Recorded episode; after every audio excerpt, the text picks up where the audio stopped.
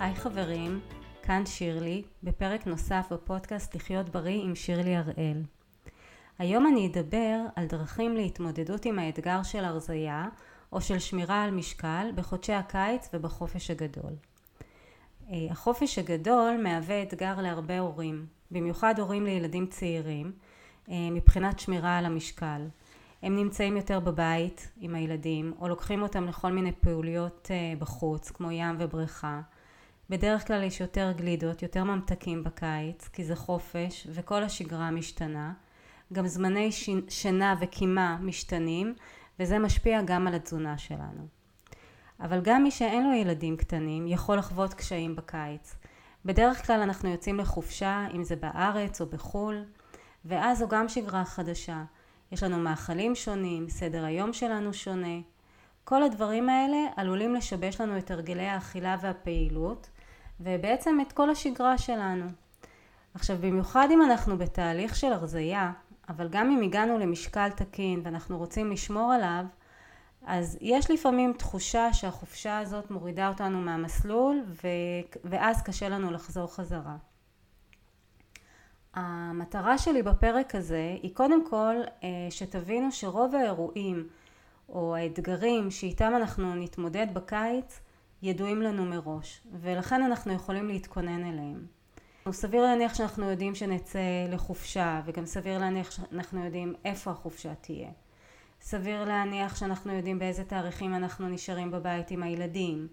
סביר להניח שאנחנו יודעים מניסיון העבר שקשה לנו לעשות הליכות בחוץ בקיץ כי חם או כל מיני דברים שאנחנו יודעים כל מיני קשיים ואתגרים שאנחנו מכירים את עצמנו ואנחנו יודעים שיהיו לנו גם בקיץ הקרוב. והרבה פעמים אנחנו לא משקיעים בזה מחשבה, אנחנו פשוט זורמים עם הרגע, זורמים עם, ה, עם האירועים שקורים ורק מגיבים. והמטרה בפרק הזה שלא סתם תגיבו אלא תבחרו, תעשו את הבחירות שלכם לפי מה שמתאים לכם ומתוך מודעות. אז יאללה בואו נתחיל. הדבר הראשון שכדאי לעשות זה קודם להגדיר מה המטרה שלנו בחודשי הקיץ. אה, אם זה מבחינת המשקל ושמירה על אורח חיים בריא אז כמו שדיברנו קודם האם אני רוצה להמשיך לרזות? האם המטרה שלי היא לשמור על המשקל ולא לעלות? האם המטרה שלי היא להוסיף פעילות גופנית לשגרה שלי? ואם כן אז איזה אז קודם כל אנחנו צריכים להגדיר לנו, להגדיר את הכיוון הכללי שאליו אנחנו רוצים אה, ללכת. ופה חשוב לי להגיד שלמה שאנחנו רוצים להגדיר כיוון כללי ולא להיצמד לתוצאות. כי התוצאות לא תמיד יהיו בשליטתנו. כלומר, במיוחד אם אנחנו מדברות על, מדברים על משקל, אה, אני יכולה לאכול מצוין ולעשות פעילות גופנית ולעשות את כל הדברים נכון, ומבחינת קצב הירידה במשקל הוא יהיה הרבה יותר איטי ממה שאני מתכננת. אה, זה לא תמיד בשליטתי. אז אה, חשוב לי כן להגדיר ולדעת את הכיוון הכללי שאליו אני רוצה להגיע, אבל מבחינת אה, יעדים או יעדי ביניים אני ארצה להגדיר יעדי התנהגות, דברים שאני יכולה לעשות ושהם בשליטתי. אז יעדי התנהגות כאלה יכולים להיות נניח לעשות פילאטיס פעמיים בשבוע, אה, לאכול ארוחה אחת ביום שהיא מבוססת על אה, סלט, על ירקות, להכין מראש אוכל לכמה ימים, כלומר להיות יותר מתוכננת מבחינת הארוחות, לשתות אה, יותר, יותר כוסות מים במהלך היום. כל אלה הם יעדים התנהגותיים שאני יכולה להציב, להציב לעצמי ויש לי שליטה עליהם. אז אמרנו שהדבר הראשון זה להגדיר את המטרה, את הכיוון הכללי ויעדי התנהגות קונקרטיים שיש לי שליטה עליהם. הדבר השני, אה, אולי הוא נשמע קצת מוזר, אבל הוא חשוב גם שנשים עליו לב. אה, לחשוב האם יש לי מה להפסיד אם אני מתנהגת בצורה כזו. כלומר, אם אני רוצה אה, להשיג את המטרה הזאת, נגיד של הרזייה או שמירה על משקל בקיץ, האם יש לי מה להפסיד מזה? והרבה פעמים יש לנו שני חלקים שהם אה, מנוגדים. חלק אחד שאומר כן, אני רוצה לרזות, חשובה לי הבריאות שלי, חשוב לי להגיע למשקל. אבל החלק האחר אומר לא, אני רוצה ליהנות, אני רוצה להיות בספונטניות, במיוחד בקיץ, במיוחד בחופש הגדול כשיש לנו יותר תחושה של חופש ו- ופחות uh, משמעת. אז uh, כן, אנחנו, יש לנו את, את החלק שרוצה להיות בספונטניות, בלי גבולות.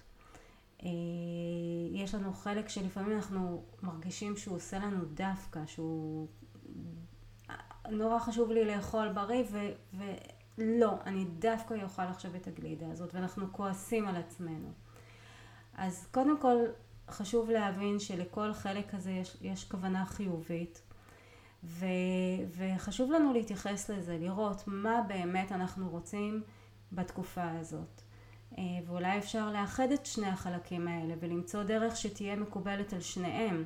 כלומר, אה, אולי מלכתחילה אני אחליט שזו תקופה שחשוב לי קצת לשחרר וחשוב לי להיות פחות במשמעת עצמית ואז הפתרון יכול להיות אה, שאני בוחרת בכל סיטואציה האם אני פועלת לפי החלק שרוצה לשמור על המשקל או שאני אה, אוכלת לפי החלק שרוצה לאכול בספונטניות ומתוך הנאה, הנאה. אה, וגם אז, האם אני אוכלת הרבה אה, עד שאני ממש מרגישה שאני מתפוצצת, או שאני יכולה לאכול גם עד רמת סוב הנעים ולהפסיק, זה לא הכל או כלום. ו... וחשוב לי שתהיו מודעים גם לעניין הזה שהרבה פעמים אנחנו אומרים לא, אני רוצה לאכול אה, בצורה, חופשי, בצורה חופשית כי חשוב לי ליהנות מהאוכל אבל תחשבו כמה פעמים אנחנו אוכלים גם כביכול מאכלים שהם לא כאלה בריאים ואנחנו חושבים שאנחנו אוכלים אותם מתוך הנאה. לא תמיד אנחנו אוכלים אותם מתוך הנאה. הם לא תמיד גורמים לנו הנאה. אז אה, גם כשאתם בוחרים את המאכל הזה, אז אה, תשימו לב האם זה באמת אה, מתוך הנאה. ואם כן, שוב, עד, עד איזה מידה אני אוכלת, באיזה כמות אני אוכלת. השלב הבא, אחרי שהגדרתי את, ה, את יעדי ההתנהגות שלי ואחרי שהגדרתי אה, אם יש לי מה להפסיד ואז אולי דייקתי קצת יותר את היעדים שלי, השלב הבא הוא לבחון איפה עלולים לצוץ לי הקשיים, איפה, איפה יהיו לי קשיים, איפה יהיו לי אתגרים, ופה דיברנו קודם מניסיון העבר או, או לפי התוכניות שאני כבר יודעת מראש ש, שהולכות להיות לי בקיץ. אה, אני אתן דוגמה, למשל הילדים הולכים לישון מאוחר, גם אני. זה גורם לי לנשנש יותר בשעות הערב. או שאני יוצאת לחופשה בחו"ל ואני יודעת שסדר היום שלי השתבש. או שאני יודעת מניסיון העבר שיש לי תחושת חופש בקיץ וקשה לי לשמור על משמעת עצמית. כל הדברים האלה אנחנו יכולים לצפות אותם מראש ושום דבר לא מגיע בהפתעה. והמטרה שלי פה שתר, שתרשמו את כל הקשיים שצפויים ותשימו לב גם לגורמים סביבתיים וחיצוניים, כלומר גורמים סביבתיים, אנשים שיכולים להקשות עליכם בתהליך וגם גורמים פנימיים שלכם, אם זה חששות או שאתם יודעים שהמשמעת העצמית שלכם היא יותר, היא יותר פחותה בקיץ אה, ומצד שני תחשבו גם אילו גורמים יכולים לחזק אתכם מול הקשיים האלה. שוב, אם זה גורמים סביבתיים וחיצוניים, כמו למשל, אה, אתם יודעים שאתם אה, יכולים לקחת לכם שותף מחויבות, אדם שאתם אה, תדווחו לו כל שבוע על הצלחות שלכם, איך היה, איך עבר עליכם השבוע, או מנטור או מאמן ש, שישמור עליכם יותר מחויבים לתהליך שחשוב לכם לעשות. או חברה שתלך, אה, שתצא איתי נגיד להליכות בוקר מוקדם בבוקר כשעוד לא כל כך חם. אלה גורמים חיצוניים, אבל גם להזכיר לעצמנו את הגורמים הפנימיים, את החוזקות שלנו, את היכולות שלנו, אה, שיכולים לתמוך בתהליך הזה. כלומר, להזכיר לעצמי ש... שיש לי יכולת התמדה, שאני עברתי כל מיני מכשולים ואתגרים יותר קשים בעבר, אה, ואני יכולה להתגבר גם על זה. כלומר, לקחת מצד אחד את הקשיים ומצד שני מה יכול לעזור לי, איזה, איזה משאבים יש לי כדי להתמודד עם אותם קשיים ואותם אה, אתגרים. והצעד הרביעי זה בנייה של תוכנית פעולה. אני אתן לכם דוגמה. נניח אני יוצאת לחופשה בחו"ל. המטרה שלי יכולה להיות לשמור על המשקל, או אפילו להמשיך לרזות. או מצד שני אני יכולה להחליט שהמטרה שלי בחופשה היא ליהנות, ו- וליהנות מבחינתי אומר שאני נהנית ממגוון המאכלים המקומיים, גם אם הם לא בריאים, אבל זו נסיעה קצרה ואני רוצה לחוות את הארץ הזו גם דרך המטעמים שלה. ובהתאם למטרה שלי אני יכולה לתכנן וללכת למסעדות שיגישו אוכל מתאים. כלומר, הסיטואציה של חופשה היא גורם חיצוני, הוא יכול להשפיע על הבחירות שלי. אבל אני עדיין יכולה להשפיע מראש על איזה סוג מסעדות אני אבקר, או על הכמות שאני אוכל בהן, של האוכל שאני אוכל. עכשיו, גם אם אני אוכלת מאכלים מקומיים, ולא חשוב לי לשמור על המשקל, אז אני עדיין יכולה להיות קשובה לתחושות הרעב והשובע, ולאכול הצובע נעים. אני גם יכולה ליהנות מגלידה או חתיכת עוגה אם מתחשק לי באותו רגע. אבל שוב, זה צריך להיות מבחירה. לא בגלל שאני החלטתי שאני עכשיו בחופשה, אז זה או הכל או כלום. ואם אני אה, לא שומרת על המשקל או לא שומרת על אורח חיים ברגע בחופשה, אז, אז מותר לי הכל ואני אתפרע עד הסוף. זה לא חייב להיות ככה. בא לך גלידה, בא לכם אה, עוגה, אה, על הכיפאק, אבל, אה, אבל אתם לא חייבים לאכול את זה. כלומר, גם פה שזאת תהיה בחירה. באותו רגע אם בא לכם, וגם על הכמות. אה, תחליטו. אז זה בעצם, אני מגיעה לחופשה עם מודעות למטרה שאני רוצה להשיג, ובהתאם לזה אני פועלת. והפעולות שלי הן פר סיטואציה. בכל סיטואציה וסיטואציה יש לי שוב את יכולת הבחירה. ו... ואז זה גורם לזה שאין לי הלקאה עצמית, אין לי ביקורת פנימית. וכשאני חוזרת מהחופשה, אני פשוט חוזרת למסלול הרגיל. אין שיפוטיות, אין ביקורת על זה שאכלתי באופן שונה, כי אני יודעת שאני מראש בחרתי בזה. ואז אני לא צריכה לעשות קיזוזים, ואני לא צריכה לצום, פשוט חוזרת למסלול ואוכלת רגיל, והגוף מתאזן. וכל זה מתאפשר כי בכל התהליך הזה הייתי במודעות ופעלתי מתוך בחירה. אני אתן דוגמה נוספת.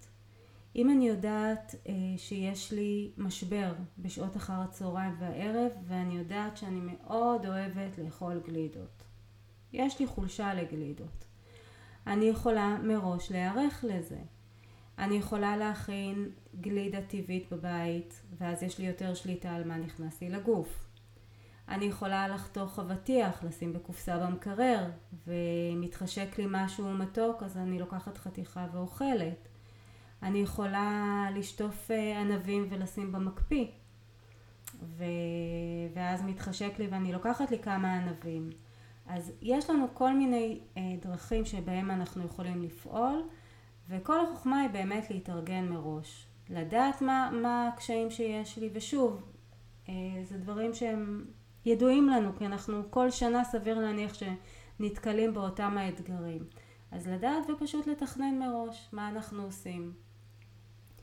אה, פעילות גופנית, אה, אם אני יודעת מראש שקשה לי ללכת אה, בחוץ, בחום, אני יכולה להיערך לזה. אני יכולה או ללכת כן בשעות הבוקר המאוד מוקדמות כשפחות חם בחוץ או כשאני יכולה למצוא פעילות גוף... למצוא דרך אחרת להתאמן בבית, או בסטודיו, או בחדר כושר, כשיש לי שם מזגן.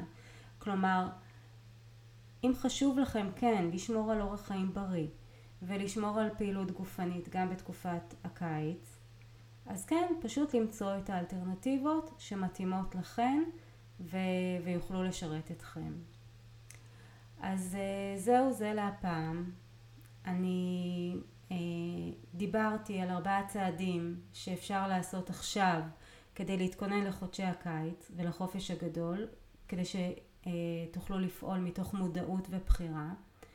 אמרנו שהצעד הראשון היה להגדיר את המטרה ואת הכיוון הכללי שאליו אנחנו רוצים להגיע, כולל להגדיר יעדי ביניים, אה, יעדי התנהגות קונקרטיים, כאלה שיש לנו שליטה עליהם.